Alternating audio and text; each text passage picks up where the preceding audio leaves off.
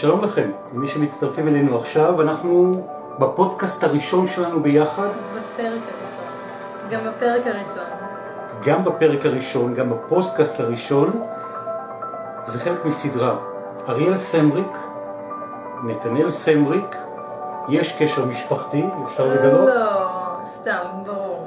אז יש קשר משפחתי, הבת שלי ואני, ביחד בתוך מסע אל תוך תיקים באפלה. תיקים באפלה. למה תיקים באפלה, אריאל? אנחנו בעצם לוקחים תיקים מסתרתיים, או לא מסתרתיים, שנפטרו או לא, ובעצם מדברים עליהם. ומציגים בהם סיפורים, תכנים, לפעמים גם הקלטות של דברים שלפעמים לא סופרו מעולם, על עולם הפשע, עולמות של פשעים לא פשוטים, חלק מהם הם באמת מגיעים, כן, מ- מכל מקום. מכל מקום וגם ממקומות אפלים, ואחד הדברים המעניינים בתוך הפורמט המיוחד של הפודקאסט שלנו, תיקים באפלה, הפרק הראשון, זה שאחד מאיתנו במהלך ההכנות לפודקאסט תחקר, שאל, בדק, הכין, והשני לא יודע שום דבר ושומע יחד איתכם ורואה יחד איתכם בפעם הראשונה את כל מה שכרוך באותו תיק אפל שאנחנו ככה פותחים וצוללים אל העומק שלו במהלך השעה הקרובה. אז uh, הפעם אריאל, את הכנת את התחקיר ואני לא יודע שום דבר, זה נכון. נכון. אולי אתה מכיר את התיק, אבל אולי לא, מפתיע. והאמת היא שאני מת מסקרנות ובתוך השיחות שהיו לנו ככה מאחורי הקלעים ניסיתי להבין ולשאול מה ומי, אבל אריאל לא גילתה שום דבר. אז אנחנו נכנסים עכשיו אל עומק הסיפור יחד, אריאל סמריק, נתנאל סמריק, הפודקאסט, תיקים באפלה. אז ספרי אריאל, על מה אנחנו הולכים, איזה תיק אנחנו הולכים לפתוח ביחד הפעם. תדמיין, בברלי הילס, תחילת שנות התשעים, זה על משפחה שנחשבה עד לאותו תיק כהתגלמות המשפחה, כולם רצו להיות כמוהם, כמו המשפחה, משפחה מושלמת, כאילו, בברליז, זאת אומרת אנחנו נמצאים ככה בארצות הברית, כן, אחת השכונות הכי מפוארות שיש, הכי עשירות, אנחנו נמצאים בחוף המערבי של ארצות הברית, ובתי יוקרה, כן, כסף, יהלומים, זהב, משפחות, כאילו לקוחות מתוך פוסטר. נכון מאוד. אז אני בחרתי, לי- כאילו, לדבר על האחים מנדלס, מכיר? ספרי לי את הסיפור. האחים, ליל ואריק מנדס. האחים ליל ואריק מנדס, על פניו זה נשמע כאילו שזה שייך לפודקאסט אחר. היפים והעשירים, העשירים והמוצלחים, היהלומים ו... הם כן מאוד יפים, כן? הם מאוד יפים. הסתכלתי על התמונות שלהם. אז אנחנו מדברים על חבר'ה בני כמה? אריק אח הקטן בן 18 וליל בן 21. 18 ו-21, והם גרים בשכונה הזאת, כן, בברלי הילס בארצות הברית, ליל והארי מן. אריק. אריק. אריק. אריק אריק. מנדס. אוקיי, Mm. אז קחי אותנו לתוך הסיפור. אה, אני לא בטוחה איך הוגים את השם שלו, אבל אבא שלהם, חוזה מנדס, הוא... היה... נתחיל בו בסיפור, דווקא באבא, בחוזה. דווקא באבא. אוקיי. אמ, אבא שלהם, הוא היה סיפור הצלחה. אמ, הוא נולד בקובה, הוא היגר לארצות הברית בגיל 16, בזמן המהפכה הקובנית. אז רגע, אז אם ככה, אם הוא הגיע מקובה, אז דווקא כיוון שהמשפחה, לפחות מה שנקרא, חלק מהמשפחה הגיע מארגנטינה, אז ההגייה המדויקת, כמו שאמרת והתלבטת לגבי השם, פחות חוזה, יותר חוסה. אה, אין קסטג'אנו, בספרדית, כי הקובנים מדברים מין ספרדית מתנגנת שכזאת, חוסה. אז חוסה יוצא מתוך האי של קובה, שם אנחנו נמצאים במה שנקרא יחסית קרובים לאזור פלורידה, פחות או יותר, והוא רוצה לממש את החלום ולהגיע לארצות הברית. נכון, וגם לברוח מהמהפכה הקובאנית, שזה היה מאוד בלאגן ומאוד מהומה, אז רוצה להגיע, להביא את עצמו למקום טוב יותר. מי שזוכר בתוך הדברים האלה גם כן יש את פידל קסטרו, שהיה מנהיג של המהפכה הקובאנית, וצ'ה גווארה. צ'ה גווארה, שהוא יליד ארגנטינה, והוא היה מהפכן וחתיך והורס, ו... והיה לו אופנוע, וכולם הלכו ונהו אחריהם כי הם רצו לעשות מדינה טובה יותר, מהפכנית, אבל בדרך הם גם רמסו לא מעט זכויות אדם, אפשר לומר, אז חוסה החליט שהוא חוזה לך ברח, רצה לברוח. כן. אוקיי. הוא עשה את זה בגיל 16, כמעט בגיל שלי. אמ, נכון יש את כל הסיפורים של האבות האלה שאומרים כאילו שבניתי את עצמי עם דולר בכיס, הוא ברצינות בנה את עצמו עם דולר בכיס. באמת? עם דולר אחד הוא ברח? בסביבות הדולר, יצא משם, עזב הכל, לקח ספינה ועבר הברית. מדהים. אגב, הזכרת את הסיפורים המיתולוגיים האלה של משפחות שעוברות, ותמיד יש את הדמות המייסדת עם דולר כן. בכיס. אז אחד הסיפורים שאני זוכר מהבית, מההורים שלי, סבא וסבתא שלך, כן. כשהגיעו ועשו הגירה בספינה בתחילת שנות ה-70 מארגנטינה לישראל עם 250 דולר בכיס. באו כדי לעשות ציונות והגיעו לארץ באמת עם כמעט שום דבר ושתי מזוודות וחלום להגיע לכאן. אז דולר בכיס זה באמת אנשים שהולכים אחרי החלום שלהם עד הסוף. אבל החלום הזה באיזשהו שלב אנחנו כבר יודעים, כי אנחנו פשוט בפודקאסט שנקרא תיקים באפלה, החלום הזה הולך להתפרק. לא באמת. לא באמת! לא באמת. אוקיי. אז חוזה, תגיד את זה במבטא. חוסה. אז הוא באמת הגיע לארצות הברית, והתחיל לעבוד שם ב... כאילו, בנה את מפעל החיים שלו. ב... נו... כיוון של מסחר, כיוון לא. של לימוד, כיוון של הקלט- משטרה. הקלטות, ו... אה, שואו ביזנס. כן, הוא היה מאוד איש עסקים, מאוד מצליח, ועבר לגור באיזשהו שלב בבברלי הילס. זאת אומרת, היה לו מה, היה לו מין אולפן הקלטות, הוא היה מקליט אומנים, היה מקליט אנשי עסקים, הוא פשוט הלך ובנה את הביזנס שלו, כן, צעד אחרי צעד, הכל בעשר אצבעות, אחרי הכל, דולר בכיס, קובה, אמריקה, ארץ האפשרויות הבלתי מוגבלות, עד שהוא מוצא את עצמו בשכונת היוקרה, בברלי הילס, לא בתור המקליט, אלא בתור מישהו שגר שם. כן, והוא גר בבית של... אה, שהיה של אלטון ג'ון. לא נכון. כן, בבית של אלטון ג'ון? כן, כן, כן, הוא גר באחוזה שלו, שאלטון גר בה פעם. מדהים, אלטון ג'ון לטובת כולנו מכירים, כן. וכולנו מזמזמים, וכולנו אוהבים את השירים. באמת, עשה, אמריקה עשה את העולם עם סיפור מדהים, יש לו גם סרט של אלטון ג'ון עם כן. הביוגרפיה שלו, שיצא עכשיו. סרט מאוד מאוד קשה, כי יש שם את התהליך של היציאה שלו מהארון, וההורים לא קיבלו את זה. ויש שם אה, את אה, כל המקום של תחילת ההצלחה, ובהתחלה טרקו לו את הדלתות על הפרצוף. והשירים, ואיך הוא התחיל, והסמים, וההתמכרות, וההתפרקות, אבל אייקון עולמי. אז כנראה שזאת אחוזה עם קרמה, האחוזה הזאת של אלטון ג'ון. כן, חתיכת קרמה. אז הוא היה באמת אה, ראש חברת תקליטים. הוא היה בכיר בתעשיית הבידור של שנות ה-80. אבל הוא היה מנהל מאוד אכזרי. מאוד הגדירו אותו כאל... הוא היה מפטר אנשים על כלום. הוא היה... יש לי תיאוריה אולי שהוא היה פסיכופת חיובי. באמת? אני חושבת. למה את מתכוונת פסיכופת חיובי? שהשתמש בחשיבה המנטלית הזאת למשהו חיובי. הוא פתח אה, תעשייה בעולם הבידור, הוא פיתח את עצמו לטובה. הוא עשה דברים טובים עם עצמו. אפילו שהשם שלו היה כאיש עסקים וכבוס, אדם שחתך גרונות, כן. ערף ראשים. הוא היה בן אדם חד מאוד. כן. במילים אחרות, לא הייתם רוצים לפגוש אותו ביום שהוא הגיע לעבודה בלי מצב רוח ממש טוב. לא. גם אם הוא מגיע עם מצב רוח, לא נראה לי בן אדם מקסים במיוחד. חוסה. באמת, לא כדאי לחסות בצילו באותם ימים. ואז? אמ, בהמשך הוא, הוא התחתן עם מישהי בשם אה, קיטי. אישה מקסימה, לא מצאתי לה המון מידע. נפגשו באוניברסיטה.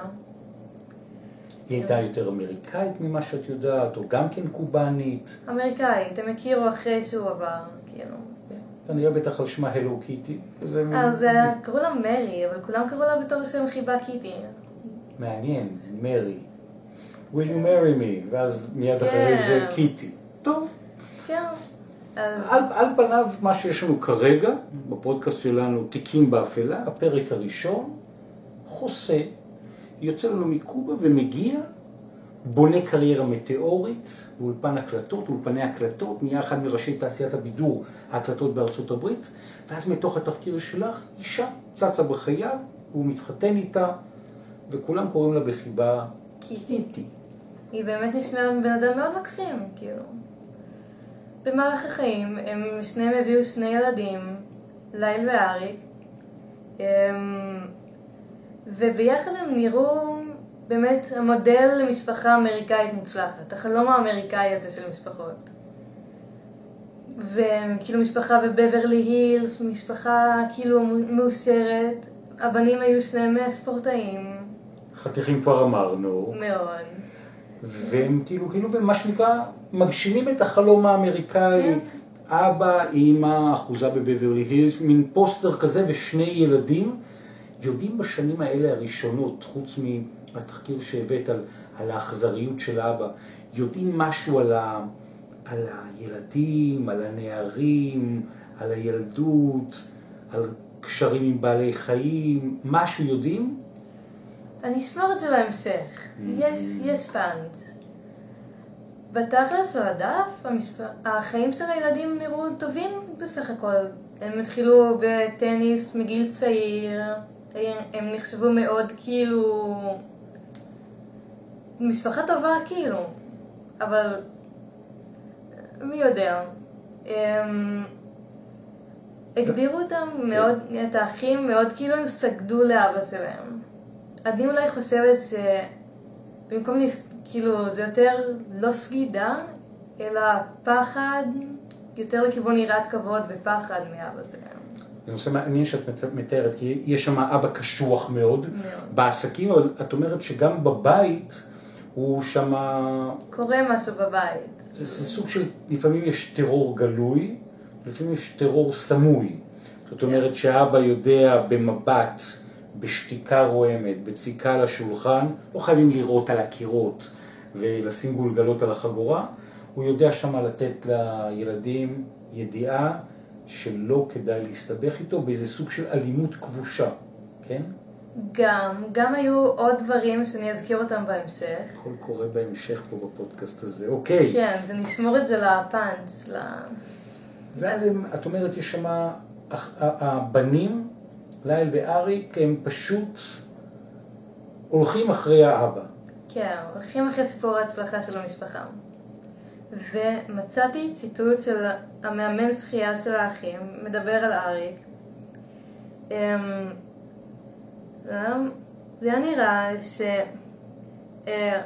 שאביהם היה כל כך אה, תחרותי, שהוא יעשה הכל כדי לנסות להפוך אותם לטובים יותר. אף על פי כך, לאריק תמיד היו בעיות של ביטחון עצמי, כי כל מה שהיה עושה מעולם לא הספיק לאביו. זה היה מאמן מנבחרת השחייה של האחים בילדותם. אז אולי זה אומר משהו על אבא. כאילו, אולי... אומרת, יש פה איזה רמז, רמז מטרים. כן, יש עניין עם האבא. שהאבא בעצם מצד אחד היה סופר תחרותי, דולר בכיס, בברלי הילס, זה, זה גשר לא מטורף. מובן מאליו, בטח באמריקה, ארץ האפשרויות המוגבלות, הלא מוגבלות. אבל הוא הצליח לממש את האפשרויות, אבל עם הילדים הוא כל הזמן מקל וגזר כזה. תתחרו, אבל אני לא מרוצה. תתאמנו בנבחרת וזה, אבל אני עדיין, אתם יכולים לעשות יותר. נכון מאוד. אז ככה הם חיו רוב החיים שלהם באמת. כאילו, הם, לא, היה, לא היה עניין באמת. לא היה עניין שהם יודעים עליו. אבל... כשאת אומרת, סליחה שאני מפריע, לא היה עניין שהם יודעים עליו, הכוונה, לא היה עניין שהציבור יודע. שהציבור יודע, אבל האחים יודעים כבר משהו. הם יודעים, הם יודעים מאוד. ואבא יודע, אבא עשה את זה למען האמת. וקיטי יודעת, שמעתי שכן, שהיא לקחה בזה באיזשהו מקום חלק, אבל היא לא עשתה עם זה שום דבר. זה איזה סוד קטן של המשפחה. סוד קטן של המשפחה. אז אנחנו ככה מקשיבים לסוד הזה המשפחתי, שהולך וגדל מטבעם של סודות משפחתיים, אם קוברים אותם עמוק עמוק, בסופו של דבר הסודות האלה מתפוצצים ברעש גדול. גם כשזה קשור לציבור, שמסתירים את זה ממישהו מסוים. מעניין. Mm. ואז, כמה שנים אחרי זה, בתחילת שנות ה-90, כן, ב-20 באוגוסט, לילה של ה-20 באוגוסט 1989, הגיעה שיחה היסטרית, מטורפת למשטרה, אה, של 100 אחים, שומעים את ליל, האח הגדול, הוא היה אז בן 21, בוכה, כאילו, שומעים אותו צועק ולטלפון, וכאילו, אומר, מישהו ירה בהורים שלהם. ההורים, ושומעים את ארי, ככה צעיר, בן 18 אז, בוכה, כאילו, צועק מאחורה. אבל הפואנטה של השיחה הייתה שמישהו ירה בהורים שלהם. Mm. והם מתקשרים למשטרה. האחים מתקשרים למשטרה. רגע, הם מתקשרים למשטרה שעת לילה בוכים בהיסטריה, מישהו ירה בהורים שלנו. אז המשטרה באמת הגיעה, בית ענק בברלי הילס. רק בשביל הפרוטוקול, היו לנו לא מעט שיחות מאחורי הקלעים לאריאל ולי, האם להשמיע עכשיו את ההקלטה, האם כן להשמיע או לא להשמיע, קיבלנו החלטה ביחד שהכותרת שלה היא פחות. פחות.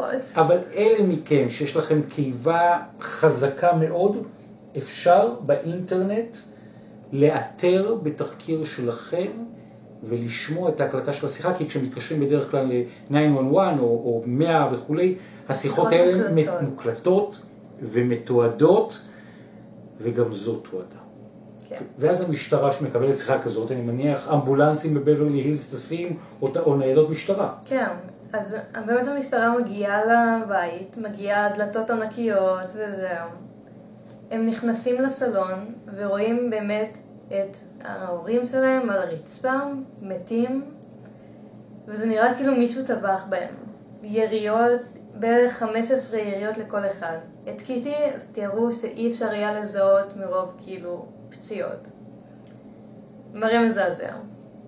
ואת זה רואים השוטרים שמגיעים לתוך הבית. לתוך הבית, בסלון, בחדר אורחים. זאת אומרת, פה זה כבר לא ההקלטות, זה לא מישהו ירה, השוטרים רואים ואומרים, it's a massacre. כאילו יש Yeah. טבח, יריות, וזה קורה בבברלי הילס, זה לא באיזה הרלם, באיזה שכונה, יסלחו לי תושבי הרלם, שלא חלילה נוציא את כן. דיבתם, ויש לנו לא מעט מאזינים בניו יורק, הרלם זה, זה, זה רובע נפלא, אבל זה לא בברלי הילס. שום דבר לא בברלי הילס. ולמי שככה פחות מכיר, הקיסריה, הרצליה פיתוח, השכונה דניה, השכונות הכי יוקרתיות שיש בארץ.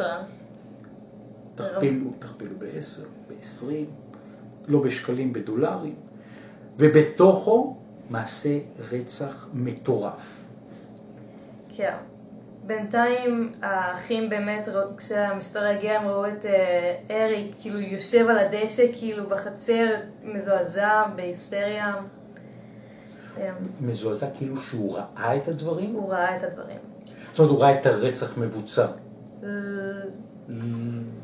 לא נגיד לא, עדיין. לא יודעים, הוא- היה נראה בהלם, לא יודעים לה, כאילו מה, בבירור הוא ראה את ההורים שלו. אמ, וכשהמשטרה באמת התחילו לחקור, הם ישר פנו לאחים, כי הכי הגיוני, ברור. הם היחידים שראו את זה. הם, אבל הם היו האליבי אחד של השני. הם תיאמו כאילו סיפורים, הם היו ביחד, הם הגיעו ביחד וראו את ההורים ביחד. הם סיפרו למשטרה בחקירה שהם הם היו לפני זה בסרט. נחמד, הגיוני. אמ, המשטרה חקרה את זה במשך חצי שנה, הם, הם עזבו את האחים, הם, האמינו להם. זאת אומרת, הם האמינו שהאחים היו בסרט, בילו ביחד, לכל אחד יש את האליבי של השני, כי אני הייתי איתו, הוא היה איתי, כן. והם חברים קרובים, ואין שום סיבה לחשוד בהם, והם תמונת פוסטר אמריקאית, ואז הם הגיעו, הם פותחים את הדלת, ככה הם מספרים, והם רואים את ההורים ירויים, 15 קליעים בכל אחד, 30, זאת אומרת כאילו מישהו ממש פרק מחסנית ועוד כדורים, וירה ופגע והרס ועשה מעשה נוראי, והם ראו והתקשרו למשטרה, וזה מה שהם אומרים לשוטרים. כן.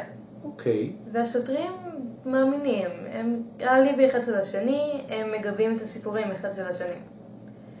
אז ממשיכים לחקור את זה במשך חצי שנה, שישה חודשים, ולא מוצאים יותר מדי, הם מצאו באמת אנשים שהתחרו באבא שלהם, אבל לא, היה להם, היה להם אליבי, כאילו הם לא, לא, הם היו תקועים.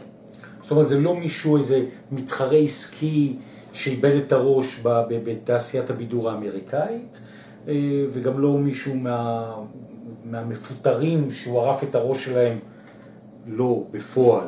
כשהוא פיטר אותם, לכל אחד יש אליבי, המשטרה נמצאת בדדלוק, לא מצליחה לפענח את הפשע הזה. נכון מאוד. המשטרה בזמן הזה באמת קצת מנסה אולי להמשיך לחקור את המתחרים, או, אבל הם מאוד תקועים. ובשנה, בערך חצי שנה אחרי זה, אמ, אריק נחשב בין האחים לאח היותר רגיש, לאח הקטן, כאילו. והוא באמת הולך לפסיכולוג. אה, לפני זה. הביאו כאילו לאחים פיצויים, כי ההורים שלהם מתים, כאילו הם... הם הביאו להם פיצויים מהחוק. ושמעת, כאילו, היו סיפורים שהם הוציאו את כמה מיליוני דולרים, לא מיליון, כמה אלפי דולרים בחודש הראשון, כאילו. זאת אומרת, הם. ירשו, הם קיבלו את הכסף שהיה רשום על שם ההורים לחשבון הבנק שלהם, ואז הם מתחילים לפזר כספים. כן, סתם להוציא כסף על שעונים, על מכוניות. העניין הוא, הם לא נשארו לגור בבית כאילו של ההורים. כל אחד שכר פנטהאוז ב- באזור, כאילו. זאת אומרת, מה שנקרא, הייתה להם דרך מיוחדת להתאבל ולקבל את התמונות כן. הקשות באמצעות שעוני רולקס או שעונים אחרים ובזבוזים כן. וחשבון הוצאות פתוח כי כסף was not an issue. כן, אז הם היו כאילו all over the place. כאילו. אוקיי. אמ, באמת, כאילו, אריק, שנחשב, כמו שאמרתי, האח הרגיש יותר, הוא הלך לפסיכולוג. כן, כי טראומטי. כן, לגמרי. אז, אה, וחלק מהשיחות אצל הפסיכולוג היו מוקלטות. בדרך כלל זה לא עובד ככה, אל תדאגו, אבל השיחות האלה חלק היו מוקלטות. בידיעתו, הוא ידע שהן מוקלטות? אני לא חושבת. כי אם הם היו מוקלטות, אם הוא היה יודע, הוא לא היה אומר את מה שהוא אומר. מהמם. Mm. אוקיי. מה שהוא סיפר באחד המפגשים, זה, אתה מוכן לזה? אני לא רק שאני מוכן לזה, ואני דרוך לזה, אני גם אה, אה, רק רוצה לוודא במאה אחוזים שאנחנו אה, מקליטים את זה בכל אמצעי הגיבוי שלנו כאן בסטודיו. אוקיי, זה מקליט. אנחנו מקליטים את זה אנחנו מקליטים. ומצלמים את זה. ומצלמים. תני לנו את זה, אריאל, תטיחי את זה בפנים. מה הוא אומר? ליל ואריק, אריק וליל, הרגו את ההורים שלהם. הם אלה שרצחו את ההורים. הוא הודה ברצח, בשיחה עם הפסיכולוג שלו. בשיחה עם הפסיכולוג. ככה? בולד פשוט אומר, רצחנו את ההורים שלנו? אני לא בטוחה, לא הצלחתי למצוא את זה, אבל. כן הוא אומר, לא בטוחה עד כמה, היי, אני רצחתי את ההורים שלי, אבל הוא כן אומר את זה, הוא מספר לפסיכולוג. וואו. כשהוא חושב שהוא אה, מצד אחד, זה מטורף, כן? מאוד. מצד אחד פורק את המסע הזה, את הסוד הזה שעל ליבו, וחושב שהוא עושה את זה ב... עם שותף סוד, כי פסיכולוג, ה- ה- כל מה שקורה בתוך השיחות, בתוך אה, חדר הפסיכולוג, זה חיסיון מוחלט ומלא בכלל, ובגיל 18 בפרט, ואז הוא מניח את הדבר הזה, והשיחה מוקלטת. והשיחה מוקלטת. והפסיכולוג מה עושה? הפסיכולוג לא הולך למשטרה, הפסיכולוג באמת כאילו מחליט לשמור את זה אצלו, אבל באיזשהו שלב הוא מספר את זה למאהבת שהייתה לו, למאהבת של אריק או של הפסיכולוג? של הפסיכולוג. של הפסיכולוג. גם פסיכולוג צריך פסיכולוג. כן, אז הוא משמיע לה את זה, שדרך אגב זה דרמה שלמה עם הפסיכולוג, היה נשוי והייתה לו מאהבת. נוספת. אז בואו נפתח פה רגע אחד איזה שהם סוגריים קטנים. אריק בוחר בקפידה רבה, יש הרבה פסיכולוגים נורמליים, אז הוא בוחר פסיכולוג שהסיפור שלו הוא לא לגמרי נורמלי. אה, לא. או לא שאולי. הוא, לא יודע, אולי בבברלי זה כן היה נורמלי. לא. אז הוא היה נשוי הפסיכולוג, והוא הייתה לו גם מאהבת. במקביל לנישואים. במקביל לנישואים, והוא סיפר את זה למאהבת. אוקיי. ואז אחרי כמה זמן, הוא החליט באמת לעזוב את המאהבת ולהישאר עם אשתו. כן. והמאהבת שהייתה לה את ההקלטה, מחליטה כדי לנקום בו. לא בטוחה איך זה בדיוק נקם בו, אבל היא הלכה עם ההקלטה למשטרה. זאת אומרת, בואו נעשה סדר. הסיפור רק מסתבך. כן. אריק האבל, המשטרה לא יודעת כלום, הולך לפסיכולוג, מתוודה, מתוודה. מוקלט, בלי ידיעתו.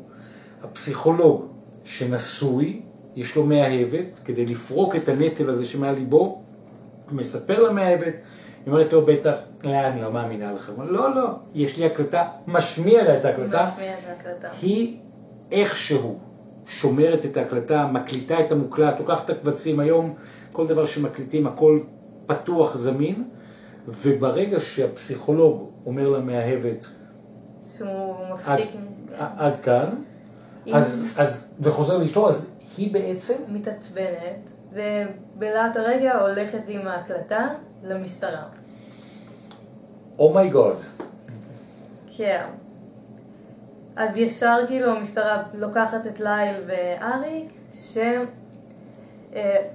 אה, נו, המשפט הראשון, הטלוויזיה הייתה מאוד מעורבת. כאילו, התקשורת בכללי, בגלל שכל הסיטואציה פוצצה את התמונה הזאת של משפחה מוסלמת, שני הורים מתים, זה כבר... אז זה פוצץ את התמונה הזאת של המשפחה המוסלמת והמשפחה היפה הזאת. אז התקשורת באמת הייתה מאוד מאוד מאוד מעורבת. זאת אומרת, את באה ואומרת שחוץ מהרובד, ה...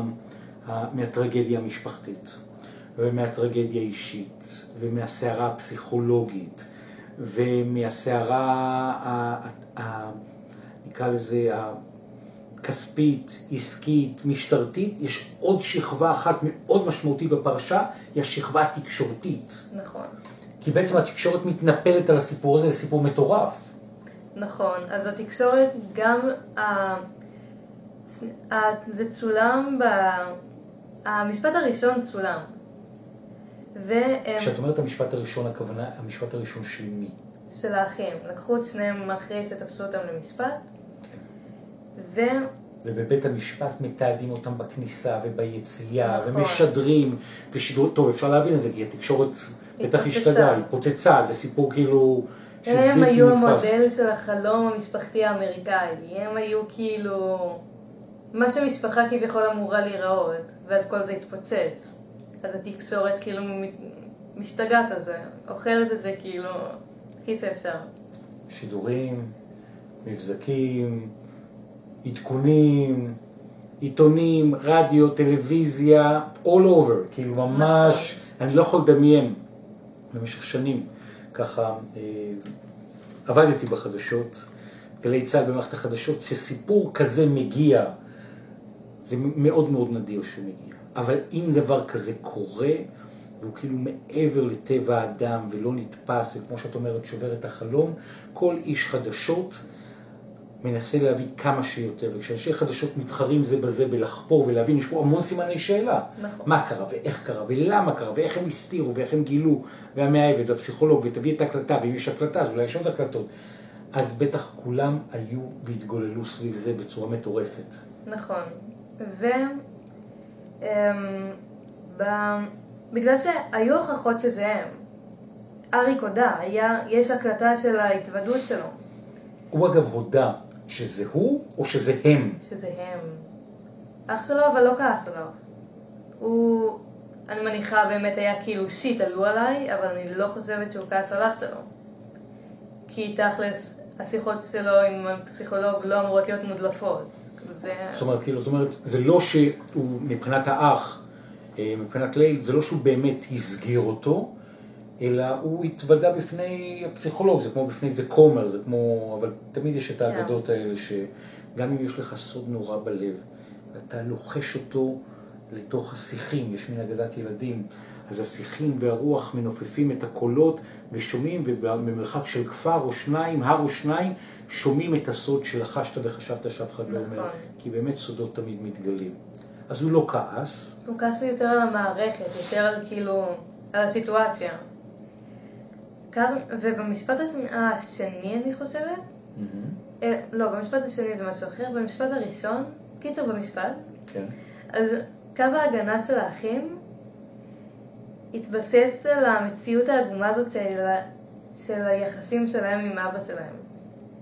זאת אומרת, מה הם אמרו, מה, מה היה המסר? לט... לטענתם, אבא שלהם הת... באמת התעלל בהם נפשית ופיזית. הוא פגע בהם מינית. בשני האחים בכל הילדות שלהם. אולי גם אחרי הילדות שלהם. זה מה שהם בעצם אומרים. ליל, במהלך באמת המשפט, הוא היה מספר את זה, הוא סיפר את זה בפרטי פרטים. הוא רצה יותר, קו ההגנה באמת היה לזעזע את הקהל. זה כאילו לשים את, בערך לשים את זה על אבא שלהם, הגיע לו. ותוך כדי באמת כאילו לספר מאוד איך זה קרה, מה הוא עשה. יש לי ציטוט שלו, שהוא כאילו, להגיד את הציטוט? בוודאי. הוא היה לוקח אותי לשירותים, מושיב אותי על הברכיים, מסביר, מסביר לי מה אני צריך לעשות, ואז הייתי קם ומקיים איתו יחסי מין אוראליים. יש המשך, אז זה ציט- ציטוט שכאילו, וככה מספר, זה מספר ליל, ליל, האח הגדול, במשפט, בתור קו הגנה, כאילו. ואז הם בעצם באים ואומרים, אתם מזועזעים מהרצח, אבל בואו תבינו את השורש של זה, בואו תראו את הצד השני של המטבע. אנחנו טוענים שהתעללו בנו נפשית, פיזית ומינית כל שנות ילדותנו, ולא סתם התעללו, האבא התעלל, מי שהחזיק את החלום. והם גם סיפרו על אימא שלהם, שהם תיארו אותה מאוד דיכאונית ולא... לא שם, וכאילו, הם תיארו שהיא כן ידעה מה קורה, היא רק הייתה מאוד עם עצמה, כאילו. אימא שלהם לא התערבה. כן, והמשפט הראשון באמת נמשך חודשיים, וחבר המושבעים לא הגיע להחלטה. מה זאת אומרת לא הגיע להחלטה? לא הגיע להחלטה. אבל ב-1995 התקיים משפט שני, בלי צילום, בלי צוותי צילום. זאת אומרת, פחות קרקס תקשורתי, פחות ש... פחות. ו... תראה, דווקא פה, כי אני מאוד מאוד סקרן לגבי ההמשך, אני חושב שכיוון שיש אה, לא מעט אנשים ש... ששומעים את הסיפור הזה, ואנחנו כרגע חיים בתקופה מאוד מאוד מאוד קשה, שבלא מעט בתים, אה, שנראים כלפי חוץ תמונות פוסטר, לא חייבים לגור בבברלי הילס, אבל מקרינים משפחתיות למופת. יש לא מעט מקרים שבהם יש פגיעות מיניות, רגשיות, פיזיות של הורים, חלילה בילדים שלהם. ואם יש כבר בשלב הזה למישהו ששומע, אני חושב שמשהו, אריאל, בבחירה המאוד אמיצה שלך בסיפור, יש פה גם מסר ל- ל- לאנשים נכון. ולילדים ששומעים אותנו אה, לפני שמתפוצץ דבר כזה, כן לעשות מעשה. מה, מה דעתך? אנחנו תכף נגיע להמשך הסיפור, אני יודע שאתם סקרנים. מה לעשות? מה דעתך נכון לעשות? מה הם יכלו לעשות? ליל ואריק, אריק וליל. אני חושבת לפני שזה הגיע למצב הזה, לפנות לגורם יותר גדול, כאילו, אני מבינה את הפחד מההורה שלהם, כאילו, מאבא שלהם. אבל, כאילו, עדיף לפנות מאשר כאילו לבלות את שאר החיים בכאילו, מה עשיתי ומה, כאילו, לפני שזה מתפוצץ באמת. ודווקא בנושא הזה אני מאוד מאוד מסכים איתך. זאת אומרת שאם שומע אותך ו- ואותנו ילד, צעיר, נער, נערה, שחוו פגיעה מינית, או פגיעה פיזית, או פגיעה רגשית, בתוך הבית, והפוגע הוא, הוא אבא, או אימא, הוא בעל, הוא בעל סמכות, מי שאתה מאוד מכבד, מעריץ, עדיין נכון ללכת לחבר, ליועץ או יועצת בבית הספר, מחנך או מחנכת, ללכת למישהו כדי לספר את הסיפור ולהביא עזרה הביתה. פשוט להביא עזרה הביתה, כי אחרת הדברים האלה יכולים להתפוצץ, כמו שאנחנו רואים בתוך ה... גם היום יש לזה הרבה יותר מודעות, כאילו, יש הרבה יותר גורמים חיצוניים שיכולים לעזור, כאילו, יש מה לעשות עם זה. בהחלט, והם סחבו את זה, ואת אומרת שבמשפט הראשון, בין היתר בגלל הקרקס התקשורתי, ואתם יודעים, זה, זה, זה סיפור שהוא uh, unheard of, גם באמריקה, לא שומעים דברים כאלה. שבסוף כאילו כל פעם אתה חושב הנה הרעים ואז נפתחת עוד איזה דלת ואתה רואה עוד yeah. כן. צד אחר של המטבע אתה אומר טוב אז הם הרעים ואז נפתחת עוד איזה דלת והתמונה יותר מורכבת והולכים ומבינים לעומק שכל מה שחשבנו שהוא בתמונת הפוסטר באמריקה כלום לא היה נכון. לא. ואז יש משפט שני, כשהשופטים לא, אה, המושבעים באמריקה לא מצליחים להגיע להכרעה, כולנו ראינו את הסרטים בארצות הברית, בארץ זה שופט שמקבל החלטה. כן, שם המושבעים. שם המושבעים צריך להיות בסופו של דבר החלטה, המושבעים קובעים מה, האם אשם או לא אשם. אז ב-1995 אה, התקיים המשפט השני בלי הצילום, והאחים הורשעו ברצח ונשלחו למאסר עולם ללא אפשרות חנינה. וואו. נכון. האחים נשלחו לשני בתי סוהר נפרדים, זה קצת עצוב, אבל מובן. וב-2018, זה נמשך עד אז. זאת אומרת, במשפט השני קובעים באופן חד משמעי, כן, רצחו, כן, ייענשו, כן, מאסר עולם, ללא אפשרות חנינה, זאת אומרת, הם לעולם לא יצאו מהכלא, לא יראו אור יום, וגם הם לא יראו אחד את השני. לא.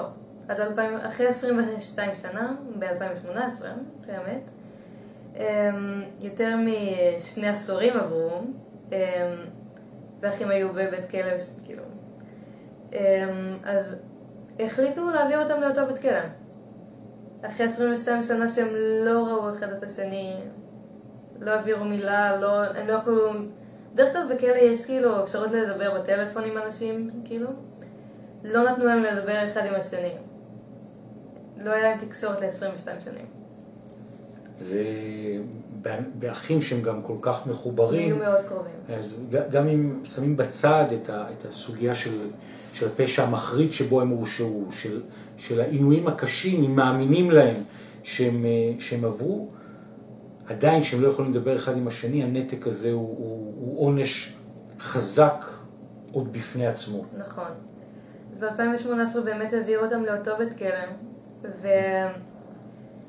אה, עדי ראייה מספרים, כאילו, כי נתנו להם לראות אחד את השני, שמו אותם כאילו, נכון, את החדרי חקירות האלה? כן. הפגישו ביניהם שם, ובאמת עדי ראייה סיפרו כאילו על הרגע הזה, כאילו, שהם ראו אחד את השני אחרי 22 שנה שלא, וכאילו מתארים שזה היה רגע כאילו, גם אם נשים רגע בצד את מה שהם עברו, זה היה רגע מאוד יפה, כאילו. באיזה מובן יפה? מה, מה תיארו שהיה? שהם התחבקו לאיזה חמש דקות, וכאילו לא, היה להם מאוד קשה לעזוב אחד את השני עוד פעם, למרות שהם היו תא אחד ליד השני הפעם. אז זה בערך איפה שהסיפור נגמר לעכשיו, עד היום, כאילו. זאת אומרת, ההתפתחות האקטואלית היא ממש מהשנים האחרונות, 2018 מתקבלת החלטה לחבר בין האחים, לא לשחרר אותם, הם נשארים בכלא, ועדיין במובן הזה להשאיר אותם, איך נאמר את זה, קרובים. אבל לא. אבל לא. את יודעת, מה שאת מספרת פה, אני פותח פה אה, סוגריים, תכף את תמשיכי. מה זה? יש לי מלא שאלות לשאול אותך. אה, יש לך שאלות. מלא אוקיי. שאלות. נגמר הסיפור נראה לי. לא, זה לדעתי סיפור שרק מתחיל. לגמרי. מעניין אותי מה יקרה כשהם יצאו, כאילו, איך זה יהיה. את חושבת שכן יכולים לתת להם איזושהי אפשרות יציאה או חנינה לאורך השנים שעברו? אני לא יודעת. קטונתי, אין לי כאילו... תשמעי, זה סיפור מרתק, דווקא במובן גם של התקשורת בין השניים. אה, הוותיקים יותר יודעים שהיו אה, כמעט כמו זוג אחים, הם היו החברים הכי טובים. שניים שרצחו נהג מונית, דרק רוט. בהרצליה, פיתוח, היה רצח.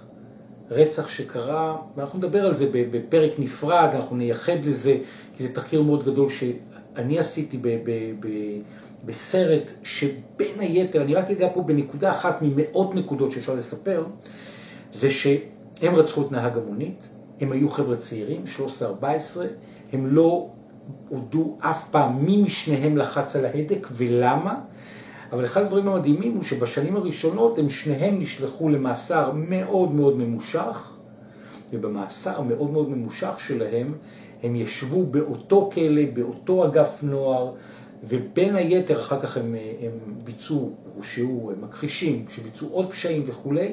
אחד הדברים המדהימים בתוך התהליך הזה, זה שהם היו ביחד.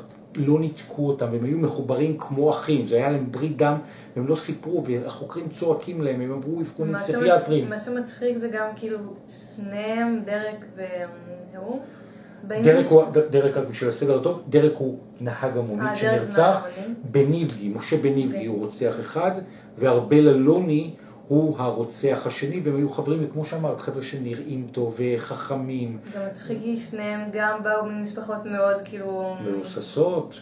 כן, משפחות טובות כאילו, כביכול. משפחות שמהמון בחינות, לא רק שהם למדו בתיכון בהרצליה פיתוח, הם משפחות פוסטר. של... בדיוק. שיש שם לכאורה חיים טובים, אבל גם במסגרת התחקיר לסרט, ואנחנו נייחד לזה פודקאסט נפרד, בתוך הסדרה שלנו, קוראים שם, מתחילים לפתוח את הדלת ומתחילים לגלות מציאות הרבה יותר מורכבת. היא לא הופכת את הפשע שהם עשו, או שהאחים, אריק וליי עשו, לפחות נורא. אבל פתאום אתה מתחיל... יש איזה ביסוס, אתה מבין מה, מה קורה שם יותר, אתה, כאילו, את כל הסיפור. זה...